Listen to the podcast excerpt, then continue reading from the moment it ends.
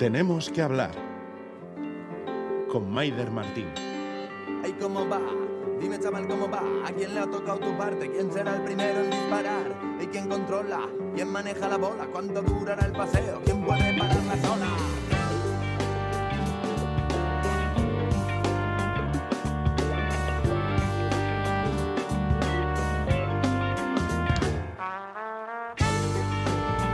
Hola, ¿cómo están? Nosotros aquí sentadas entre ondas, mirando un poco a la vida, buscando tema y pensando en que la semana que viene es el día de la radio.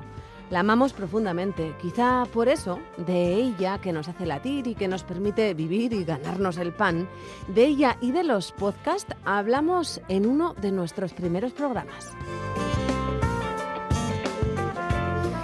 Ay, la radio. Es incombustible a pesar de los augurios que llevan advirtiéndonos de su final desde hace casi un siglo, desde que apareciera ella.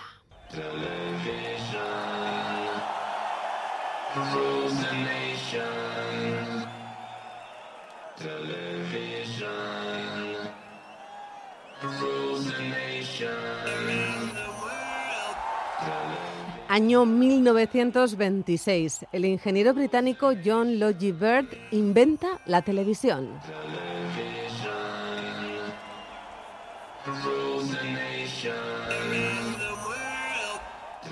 Por primera vez logra copiar el sistema de ondas electromagnéticas de la radio y sin ayuda de más inversores que él mismo, Bert revoluciona las telecomunicaciones con este aparato increíble. Era el 26 de enero de 1926. Un año después, en 1927, la BBC realiza su primera emisión pública. Desde entonces hasta hoy, la tele nunca ha podido con la radio, quizá porque ni siquiera son competencia en el mundo de la comunicación.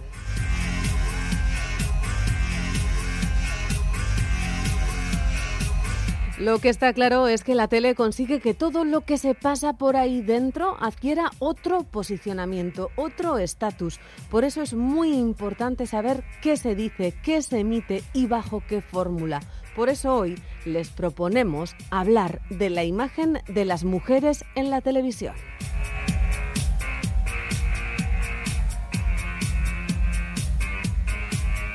Al otro lado del Zoom tenemos a Mónica Planas. Ella es profesora de periodismo, crítica de televisión. La pueden leer en el ARA o en el mundo deportivo, pero sobre todo es una mujer muy sabia que habla muy claro y acaba de escribir un libro, El beso del capitán Kirk, la vuelta al mundo de la tele en 80 historias. Mónica, ¿cómo estás? Hola, muy bien. Muy bien, bueno, nos alegramos, ¿eh? Ahora es, una época difícil para estar muy bien, pero sí, sí, estoy bien. Por cierto, ahora, ahora que ya me pones ahí como el trapo, ¿te ha pillado el coronavirus o qué? No, mm. no, no, no, no. Estoy como esquivándolo, por eso tengo la sensación que en cualquier momento me va a tocar a mí, porque claro, esto es ya una cuestión de suerte. bueno, pues ya somos dos a los que no nos ha pillado todavía, ¿eh? así que con los dedos cruzadas, dos suertudas. Algo hemos hecho bien. ya te digo. Oye, qué provocación, por cierto, lo tuyo, ¿no? Con el beso del, capitán Kirk. Eh, un libro sobre la tele que empieza con Berlusconi. Ah, sí, yo creo que desgraciadamente Berlusconi mm, se lo ha ganado a pulso. y es una de, creo que es una de mis obsesiones. Ah, cuando hablo de televisión siempre sale este señor.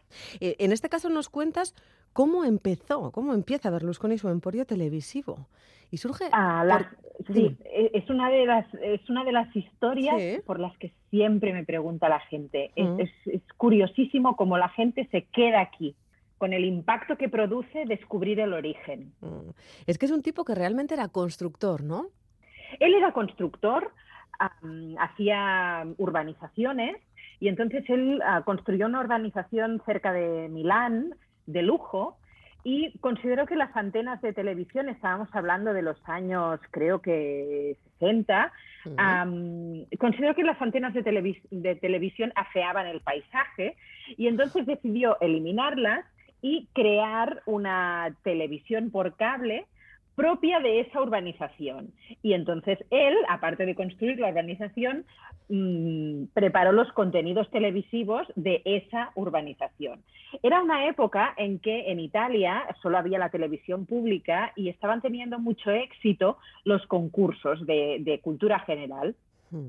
Y él decidió incorporar esta cultura general de los concursos, pero le dio su toque personal. Era un programa en el que dos señores hacían preguntas y la gente desde casa llamaba para decir las respuestas, pero mientras tanto había una señora que se iba quitando una pieza de ropa en cada respuesta acertada. De tal forma que el programa no se acababa hasta altas horas de la madrugada, hasta que esa señora quedaba desnuda y bailaba delante de los espectadores. Era el premio. Ah, el programa tuvo tanto éxito, tantísimo éxito, que incluso las fábricas de alrededor de la, de la mm, urbanización mm, pidieron que por favor el programa no se acabara tan tarde porque los trabajadores mm, eran impuntuales o incluso se dormían haciendo su trabajo.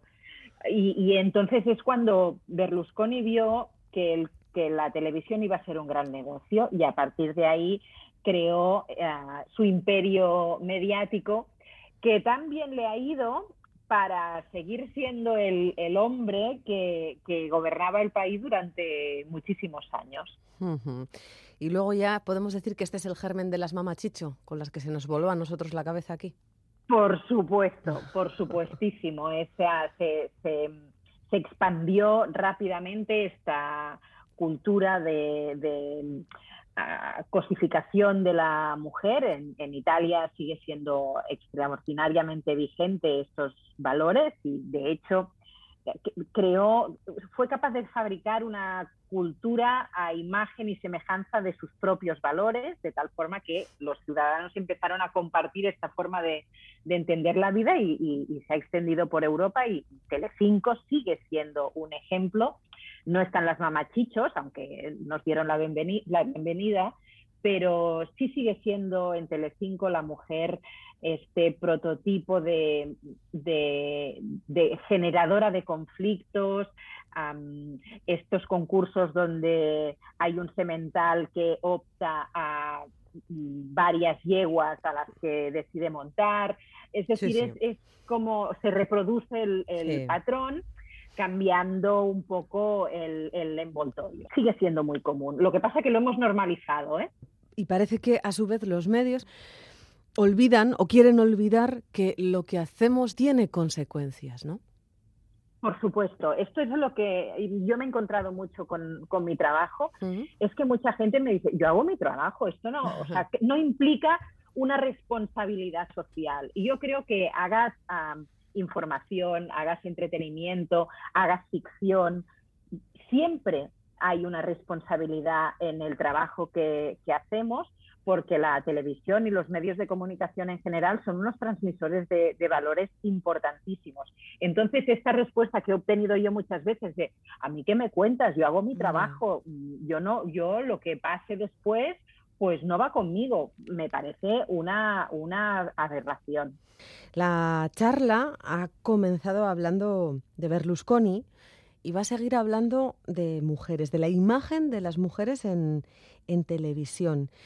Que una serie está, esté protagonizada por mujeres, ¿significa que una serie es feminista? No, en absoluto.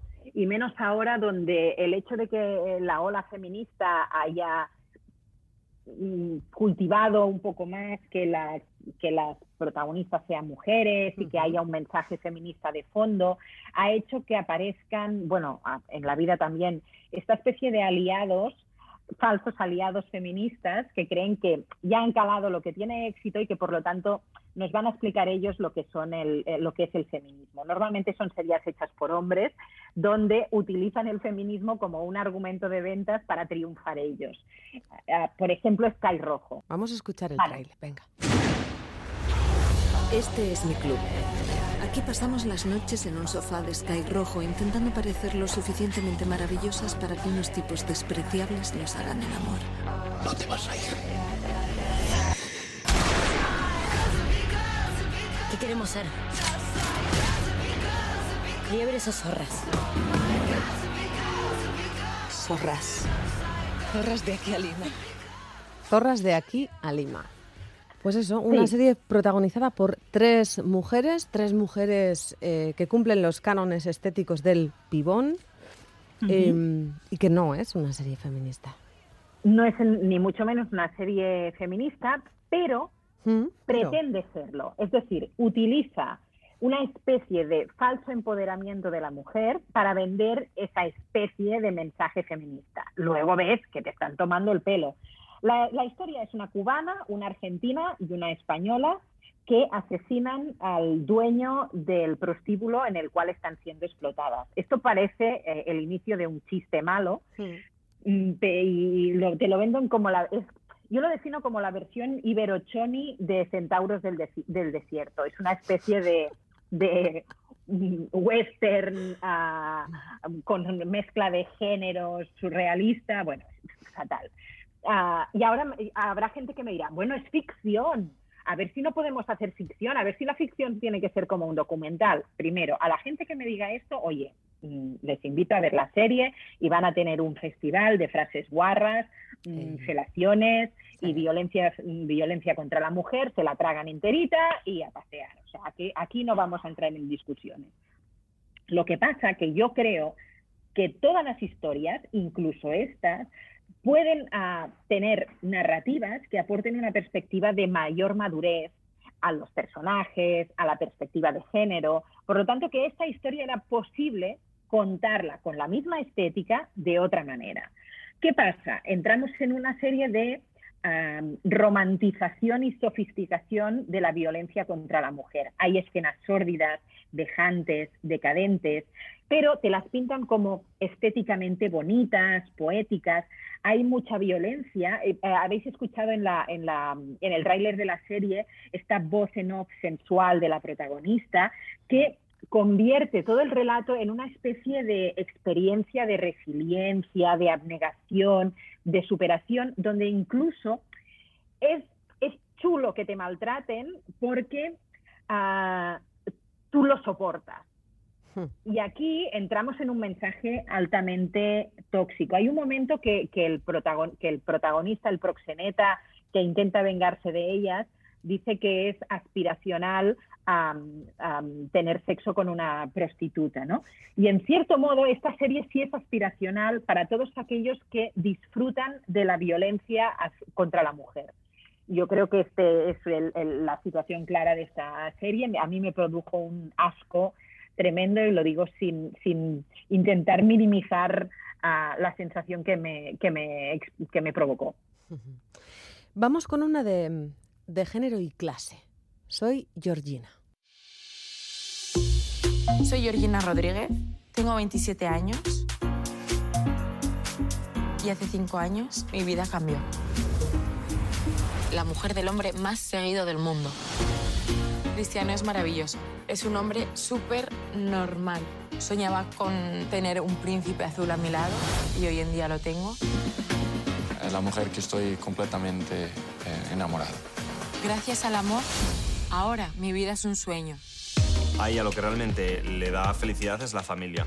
La madre más cariñosa, la madre más Bueno, ahí está, ¿no? Romantización a tope, clasismo a tope, cosificación a tope y una mujer moviéndose con una taza de Netflix de arriba abajo, ¿no? Por todo.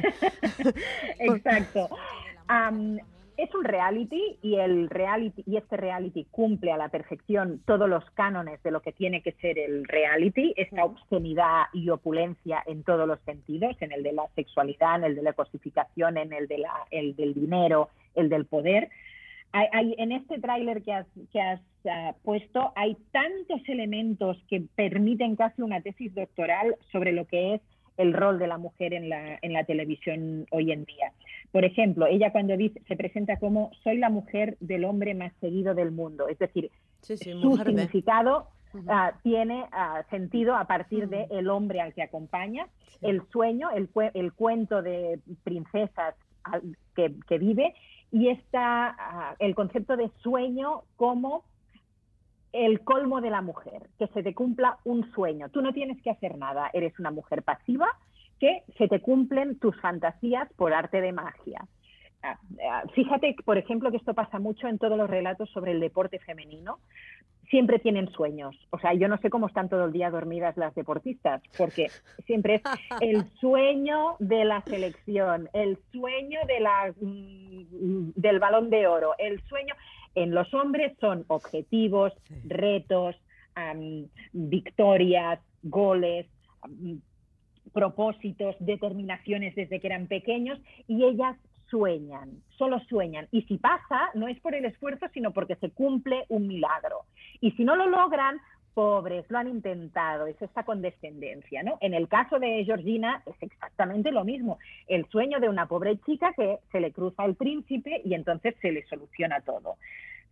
Él tiene el rol, la, Cristiano Ronaldo, el ausente proveedor de riqueza, el que supervisa. Y ella, fíjate que es solo moderna para vestirse. Luego Sí. cumple con los prototipos más conservadores de la mujer, la madre y la, y la cuidadora. Ujú. Y luego está lo de ser invisible según te haces mayor, ¿no? Pinchamos un poco And Just Like That. Venga. Venga. It's Sarah Jessica. Hello from New York City, Fifth Avenue, shooting, as we speak, the next chapter of Sex and the City, or as we like to call it, and just like that, with some beloved friends. But in the meantime, and just like that, HBO Max in Europe. Bueno, será el anuncio de esa segunda parte, por así decirlo, de la serie Sexo y Nueva York, ahora que ya son talluditas. Pero claro, Exacto. ha habido que envejecerlas. ¿Cómo es esto? De hecho, no han sabido cómo envejecerlas. Ha sido mm, una, una decepción, ah, bueno, hilarante. Hilarante porque me siento parte de esta quinta. Mm, Sí. Y claro, me quedé en plan, ¿en serio? ¿En serio nos están contando esto? Porque claro, si pensamos en lo que pretendía Sex and the City en los años 90, que aunque un poco cogido por los pelos, pretendían contarnos esta historia de estas mujeres eh, pues que cada uno tenía, cada una tenía su oficio, con una vida libres, sexual sí.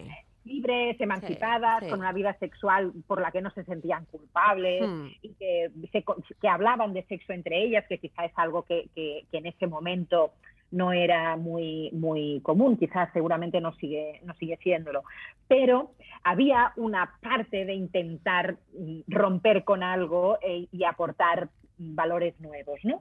De repente se acaba la- pasa- pasan 25 años sin ellas y parece que hayan estado 25 años en estado de coma. O sea, por favor, ¿qué, qué, qué ha pasado aquí? O sea, me, me encuentro unas mujeres de 50 años que representa que si eras así mm, de libre cuando, hace tanto tiempo, pues que con 50 años y teniendo, además teniendo dinero en Manhattan, tú has cambiado, tu personaje ha evolu- ha evolucionado muchísimo y eres una mujer tranquila, satisfecha y más como parece que les ha ido su vida, que, que las ves unas mujeres Mm. pues que han estado sanas, que han, te- que han seguido teniendo dinero, que han tenido una vida estable mm, familiarmente, es decir, que no han, no han sufrido ninguna desgracia, pues dices, oye, pero si estas mujeres han ido atrás, han involucionado, están inseguras, se comportan como adolescentes, mm, parece que es la primera vez en su vida que han visto a una mujer negra y dices, pero oye, si viven en Manhattan,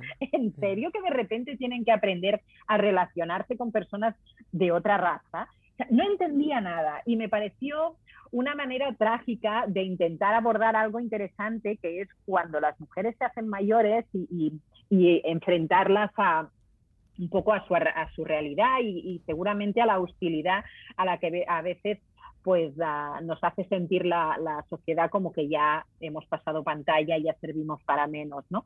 Y, me pareció una manera ah, trágica de, de- de perder el tiempo con esta serie. Y luego está una cosa que me ha gustado mucho, que has puesto tú entre paréntesis, el true crime o mil maneras de matar a una mujer. Y me he acordado de una serie de eso, de true crime, que me pareció mm, aberrante y que iba sobre la vida de Ted Bundy. Vamos a escucharla un poco, ¿vale? There was something unique about Ted's brain. He talked in terms of a voice in his head, and this voice would start saying things about women. He had very blue eyes. When he really got going, his eyes went absolutely black. Murder leaving a person of this type hungry, unfulfilled, would also leave him with the obviously irrational belief that, he, that the next time he did it, he would be fulfilled. And the next time he did it, he would be fulfilled. Or the next time he did it, he would be fulfilled. Bueno, pues ahí lo tenemos, ¿no? Un hombre hambriento de matar mujeres, lo cuentan así en el tráiler, que siempre se quedaba con ese hambre y que pensaba eh, saciarlo con la siguiente muerte, con el siguiente asesinato. Es Ted Bundy, ¿no? Bueno, uno de los ejemplos del true crime uno de los ejemplos, uno de los más explotados, porque de series documentales sobre Ted Bundy las hay, pero vamos a, a palada. Es curioso como en todas las plataformas el True Crime se ha convertido en un festival de, opciones, de, temas, que, me, resulta, me resulta incómodo y peligroso. Sí, al final se romantiza al asesino y es un poco lo que se ha rozado en más de una ocasión, por ejemplo, estoy pensándolo ahora y llevándolo, trayéndolo más a la cercanía con el caso de Marta del Castillo y Miguel Carcaño, ¿no? que ha recibido en más de una ocasión, bueno, que ha recibido cientos de, de cartas de amor, ¿no? este, este tipo, por la imagen que se ha dado en los medios de comunicación de él también. Exacto, totalmente, totalmente de acuerdo. Música de thriller para enseñar las imágenes de cómo están buscando a las, a, las mujeres desaparecidas.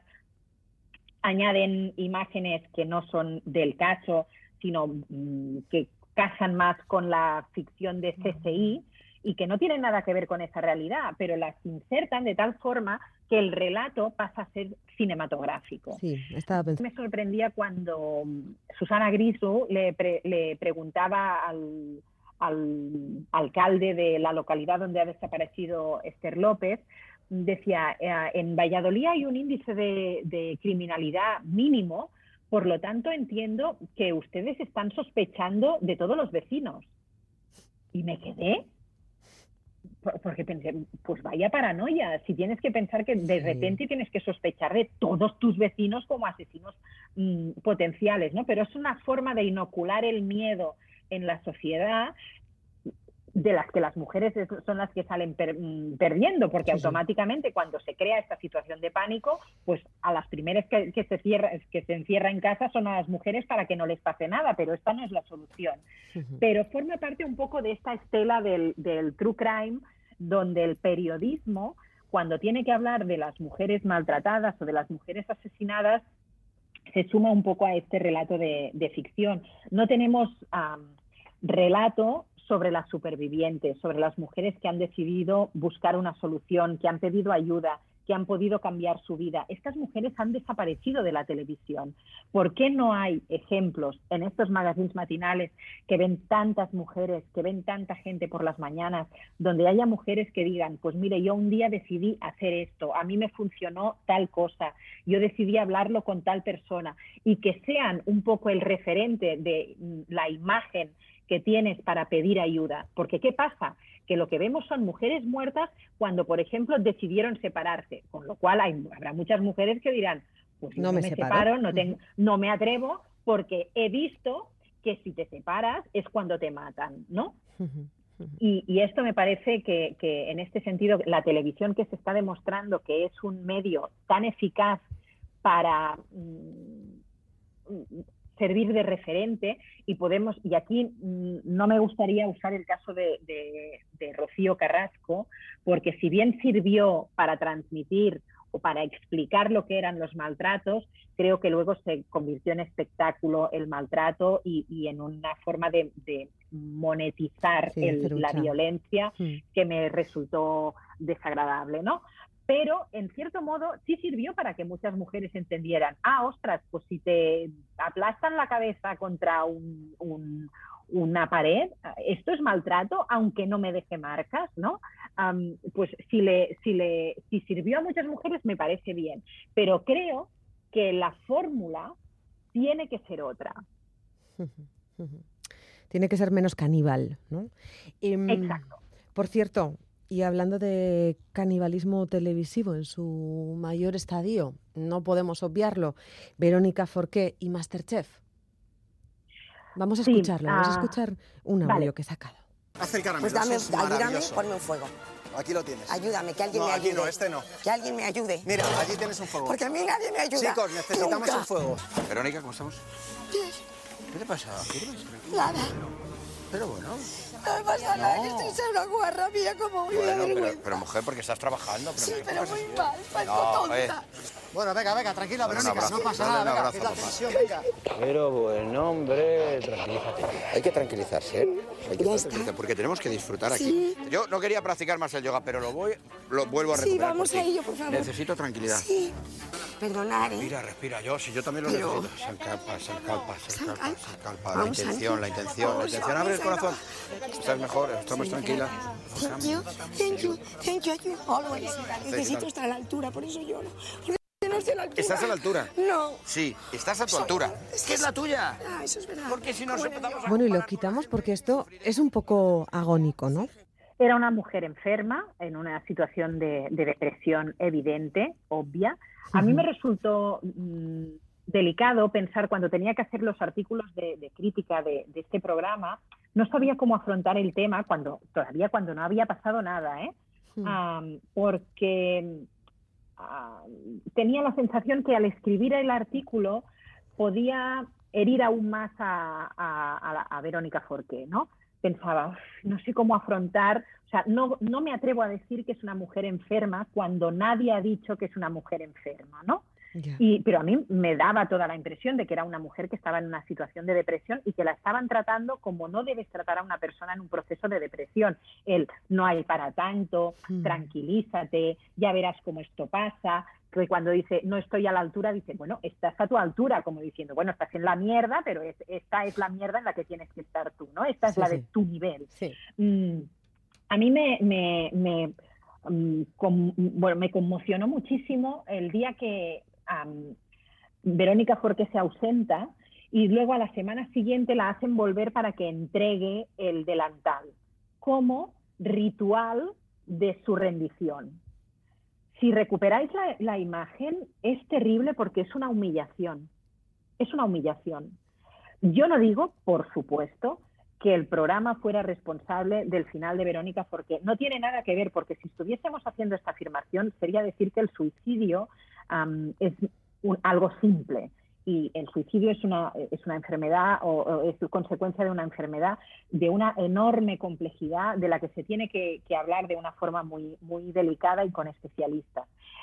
Pero sin duda, esa forma que tiene el programa de abordar el trato a una mujer que no está bien, sea cual sea el final de, de esta persona, mm, es aberrante. Y no es la primera vez que pasa en Masterchef y, no es la, y, y Verónica Forqué no es el primer ejemplo. Recuerdo un caso de una concursante anónima que explica ella en el principio del programa, era una, una chica que había tenido problemas de bullying ah, cuando era más jovencita en el colegio, que había sufrido unas situaciones fam- familiares muy desgraciadas y que le había funcionado muy bien la terapia equina para superar esos problemas. Y por lo tanto ella pidió a la organización del programa que por favor no tuviera nunca que cocinar carne de caballo se lo cuenta un concursante y qué casualidad el programa organiza que ese concursante decida qué carne tiene que cocinar cada, cada participante y le asigna a esta chica cocinar carne de caballo. Ella se, se desmoronó, ah, además explicó llorando en el programa, porque eso estamos otra vez recreándonos en esta vulnerabilidad de la mujer como parte del espectáculo, pidiendo que por favor que a ella le cambien esa situación porque los caballos le habían ayudado muchísimo y ella era incapaz de cocinar carne de caballo. La obligaron a cocinar carne de caballo y ella termina haciéndolo porque si no significa la expulsión del programa. Mientras tanto, el compañero que ha elegido esa situación para ella se ríe de ella junto con un compañero y repiten esa situación de bullying que ella cuenta que sufrió de pequeña. Bueno, pues eso lo hizo la televisión pública. Y a mí me parece que lo que tendría que haber hecho la televisión pública es disculparse, cuando lo que hace es, en el programa del defensor del espectador, decir que esas son las normas del juego y que no que si alguien se sintió ofendido, pero que ni mucho menos eso era lo que, la intención del programa. Pues ya les vale, porque encima no han entendido nada. Bueno, la crueldad y el canibalismo emocional por bandera, en este caso, con una mujer víctima de bullying que tuvo que revivir una situación de manera evidente. Justo pasa por aquí ahora eh, Chani Rodríguez, que además de Premio Euskadi de Literatura, es también compañera de esta casa y está haciendo así con cara de, mucha decepción y mucho enfado, ¿no? Cara de, esto no se hace.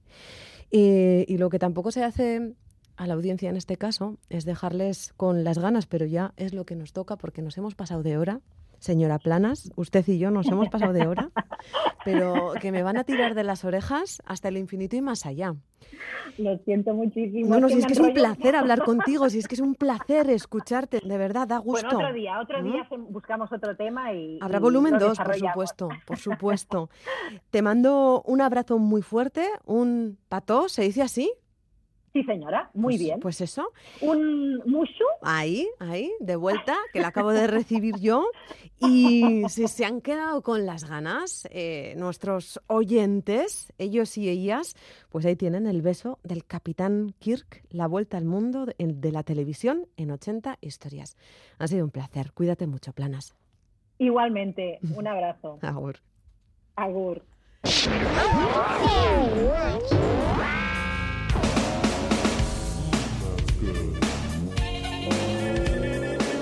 jump, jump, jump.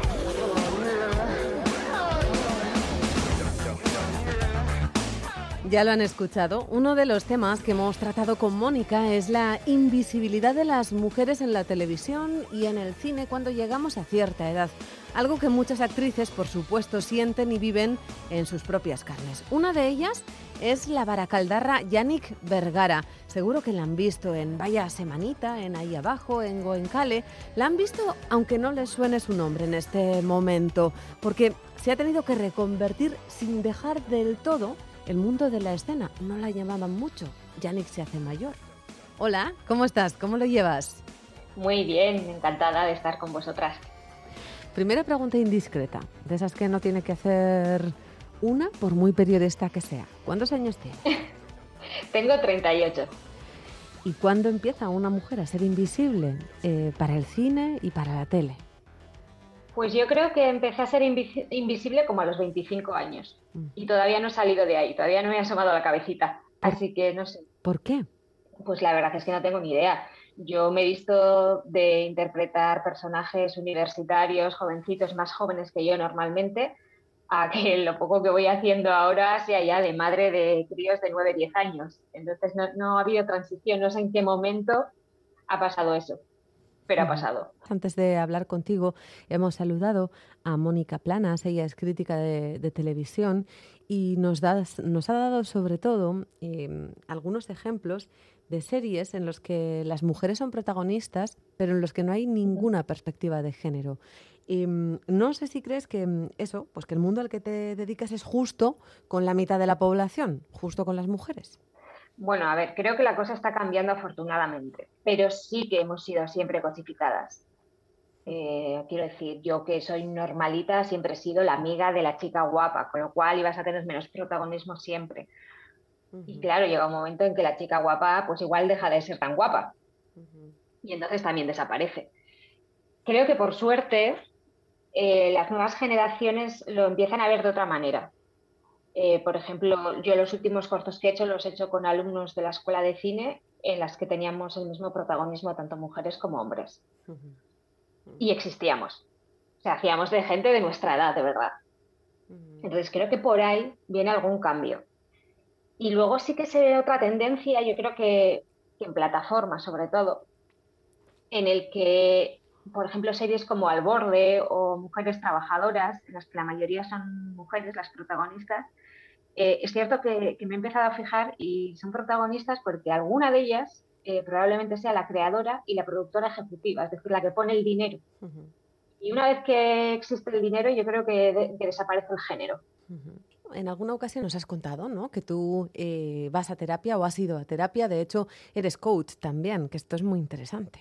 Sí, sí, o sea, es, es tan difícil de gestionar porque al final eh, hay una parte que depende de nosotras, es la de la formación, la de la lucha, la de seguir haciendo videobooks, la de seguir sacándonos fotos para que vean todos los cambios, todos los registros que, que podamos tener, porque a veces les cuesta mucho a los directores eh, verte, pues no sé, eh, haciendo de mendiga, por ejemplo, ¿no? O, no sé, algo que, que viste un poco bastante de lo que damos naturalmente. Pero más allá de eso, llega un momento en que no depende de nosotras. También para los hombres, ¿eh? no solo para las mujeres, obviamente. Pero nosotros cuando vamos a un casting somos conscientes de que estamos siendo escaneados. O sea, que, que de- que depende de nuestro físico. Eh, entonces es, es muy difícil gestionar que más allá de eso, de que lo bien que lo hagas, eh, luego va, va a contar si les encajas en lo que tenían pensado en mente, eh, cuántos followers tienes en redes sociales, con lo cual se aseguran supuestamente más gente en el cine o más gente en televisión y demás. Sí, ¿eh? o sea, Eh, hay- ya ese es el nivel. Sí, sí, sí, incluso para encontrar representante, eh, a mí alguna vez me han preguntado, ¿y cuántos followers tienes? Digo, "Bueno, pues chica, pocos, la verdad. no te voy a mentir. Ni se me había pasado por la cabeza, Yannick.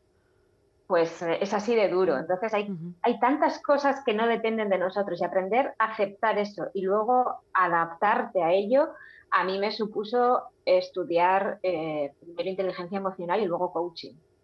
Y a partir de ahí ya, de momento no he tenido que recurrir otra vez a terapia porque me la gestiono yo sola. Pero es terriblemente difícil saber que hay un porcentaje tan alto y tan cruel que no depende de ti. O sea que hay un trabajo emocional que hacer, ¿sí o sí? Sí, sí. A ver, todo el mundo, obviamente, pero cuando eh, hay un porcentaje tan alto que no depende de ti y que es algo como tan físico, ¿no? De- que, que es tan tuyo, porque es tu cuerpo lo que están analizando, es muy cruel. Eh, bueno, tú lo que sí has sabido ha sido reconvertirte, ¿no? Entre que te sale un papel y otro dentro de esa inestabilidad. Te has trabajado, te has trabajado mucho por dentro, eres coach, ya lo hemos contado, has trabajado la inteligencia emocional y además tienes una voz preciosa y eres actriz de doblaje. Gracias. Sí, sí, llevo dos años y medio dedicándome a ello. ¿Y qué tal? Genial. Mira, ahí sí tenemos algo eh, a nuestro favor las mujeres. Y es ¿Cuál? que los dibujos animados, normalmente los niños, sean chico o chica, los hacemos las mujeres. Porque nos es mucho más fácil poner voces de niños. Yannick, por cierto, una cosa más. ¿En el horizonte tienes en este momento algún proyecto cerrado del que se pueda hablar? Porque los actores sois muy así. nada. Que va, no, no, no, no tengo nada. Eh, estoy en el baúl de los recuerdos. o sea que no, como actriz, nada. No, no. Eh, se han acordado de mí hace poquito los alumnos de la Escuela de Cine del País Vasco, que justo ayer tuve que decirles que no a un cortometraje porque hay bastante trabajo en, en el estudio de doblaje y, y no estoy para pedir horas. Entonces, lo agradezco inmensamente desde aquí, pero esta vez no, no ha podido ser. Así que bueno. Bueno, pues hecho queda el agradecimiento. Hablando del baúl de los recuerdos, nosotros nos acordamos mucho de Nagore, ¿eh? Gracias. Nagore, la Choni de Vaya Semanita, por decirlo así, ¿no? ¿O Sí, sí, esa, esa misma, sí. Yannick, ha sido un placer conocerte y reconocerte desde la vulnerabilidad en un mundo bueno, pues, pues bastante incómodo, ¿no? Como, como es con nosotras a veces el de la interpretación. Cuídate mucho, nos vemos pronto. Berdin, ¿dónde estás?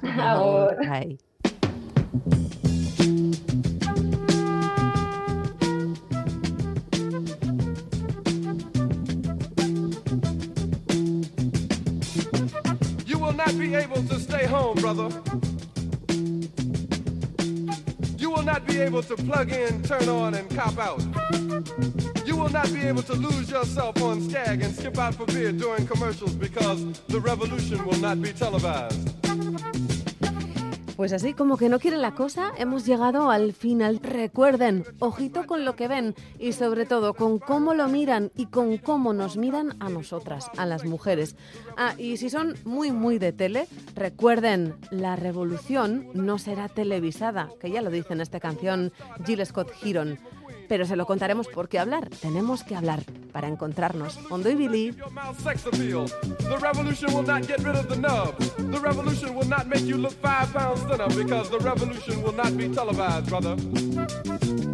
There will be no pictures of you and Willie Mays pushing that shopping cart down the block on the dead run or trying to slide that color TV into a stolen ambulance. NBC will not be able to predict the winner at 8.32 on report from 29 districts. The revolution will not be televised. There will be no pictures of pigs shooting down brothers on the instant replay. There will be no pictures of pigs shooting down brothers on the instant replay. There will be no pictures of Whitney Young being run out of Harlem on a rail with a brand new process. There will be no slow motion or still life of Roy Wilkins strolling through Watts in a red, black, and green liberation jumpsuit that he has been saving for just the proper occasion. Green Acres, Beverly Hillbillies, and Hooterville Junction will no longer be so damn relevant, and women will not care if Dick finally got down with Jane on Search for Tomorrow, because black people will be in the street looking for a brighter day. The revolution will not be televised. There will be no highlights on the 11 o'clock news and no pictures of Harry armed women liberationists and Jackie Onassis blowing her nose. Song will not be written by Jim Webb or Francis Scott Key, nor sung by Glenn Campbell, Tom Jones, Johnny Cash, Engelbert Humperdinck, or The Rare Earth. The revolution will not be televised. The revolution will not be right back after a message about a white tornado, white lightning, or white people. You will not have to worry about a dove in your bedroom, the tiger in your tank, or the giant in your toilet bowl. The revolution will not go better with coke. The revolution will not fight germs that may cause bad breath. The revolution will put you in the driver's seat. The revolution will not be televised, will not be televised, will not be televised, will not be televised. The revolution will be no rerun, brothers. The revolution will be live.